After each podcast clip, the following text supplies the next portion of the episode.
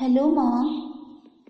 कई दफ़ा फ़ोन मिलाने पर भी घंटी लगातार जा रही थी और माँ फ़ोन नहीं उठा रही थी। निशा को बहुत घबराहट हो रही थी। क्या हो गया है? आज माँ फ़ोन क्यों नहीं उठा रही है? क्या बात हो सकती है? क्या माँ की तबीयत खराब है? निशा को बहुत चिंता हो रही थी। पापा की मृत्यु के लगभग बीस बरस हो चुके थे। और माँ अकेले ही रहती थी। निशा की शादी पास के ही दूसरे शहर में हो गई थी और वो रोज सुबह शाम माँ को फ़ोन करके उनका हाल चाल लेती थी। माँ भी निशा के फ़ोन का रोज इंतज़ार करती थी। कहती थी, जब तक बेटा तुम्हारा फ़ोन नहीं आता, मुझे चैन नहीं पड़ता। है फिर आज क्या हो गया? माँ फ़ोन क्यों नहीं उठा रही है? चिंता के मारे निशा का बहुत बुरा हाल था। बड़ी घबराहट में निशा ने पड़ोस में रहने वाले चाचा जी को फ़ोन किया। चाचा जी, जरा प्लीज़, आप जाकर देख लीजिए, माँ फ़ोन नहीं उठा रही है। अभी देखता हूँ बेटा, तुम परेशान मत हो, कहकर चाचा जी माँ को देखने चले गए। लौटकर फ़ोन पर उन्होंने कहा, बेटा वो गेट नहीं खोल रही है? रात बहुत हो चुकी है लेकिन वो खिड़की से दिखाई दे रही हैं। तुम चिंता मत करो बेटा। यह सुनकर निशा ने फिर फ़ोन मिलाया। कई दफ़ा फ़ोन मिलाने पर अचानक माँ ने फ़ोन उठा लिया और बहुत ही क्षीण और कमज़ोर आवाज़ में बोली हाँ बेटा, हम ठीक हैं, कहकर उन्होंने फ़ोन काट दिया। निशा का मन बहुत घबरा रहा था। ऐसा तो माँ कभी नहीं करती है। क्या हो गया है? माँ का स्वभाव थोड़ा तीखा था। और वो बहुत क्रोधी भी थी। जब तक पापा थे, वो उनको सहन करते रहे।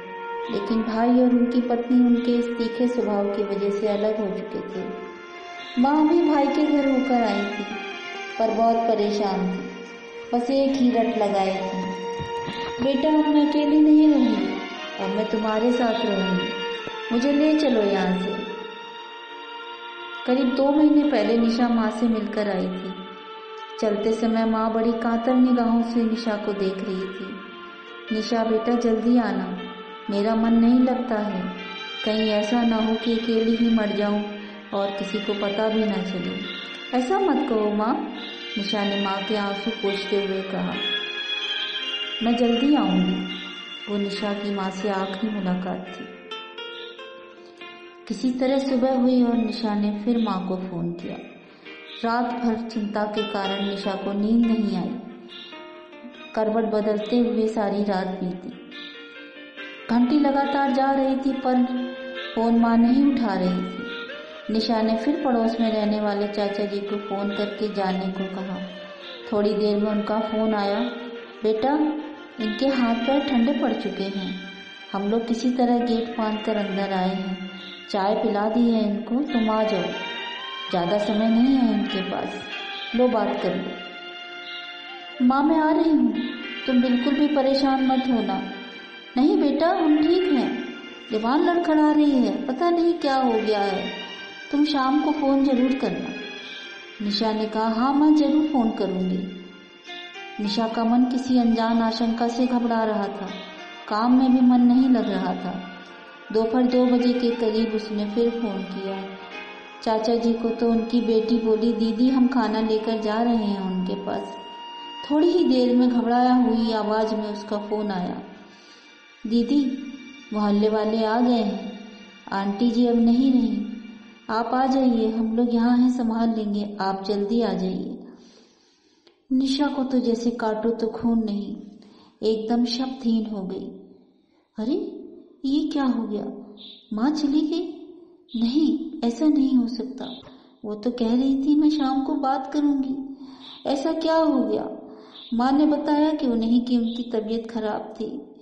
मैं किसी को भेज देती उनके पास। रोना नहीं रुक रहा था निशा का। माँ अकेले ही मर गई। धिक्कार है मुझे। मैं कुछ भी नहीं कर पाई। क्या फ़ायदा ऐसी औलाद होने का? किसी तरह से निशा घर पहुँची और अपनी बेटी को बताया। रो रो कर बुरा हाल हो रहा था निशा का। भाई को भी फ़ोन कर दिया आने के लिए। किसी तरह से निशा लखनऊ पहुँची। रात भर ट्रेन में उसको नींद नहीं आई। बार बार बस एक ही सवाल उसके मस्तिष्क में गूंज रहा था। क्या हो गया? ऐसे कैसे जा सकती है माँ? मेरे से तो कह रही थी, मैं बात करूँगी। बिना कुछ कहे, बिना कुछ कहे चली गई। क्या सोच रही होगी आखिरी समय में? कुछ तो कहना चाहती होगी। ऐसे कैसे अकेले मर गई? ऐसा कैसे हो गया? धिक्कार है मुझ पर, मैं कुछ नहीं कर पाई उनके लिए। सोच सोच कर पूरा हाल हो रहा था निशा का।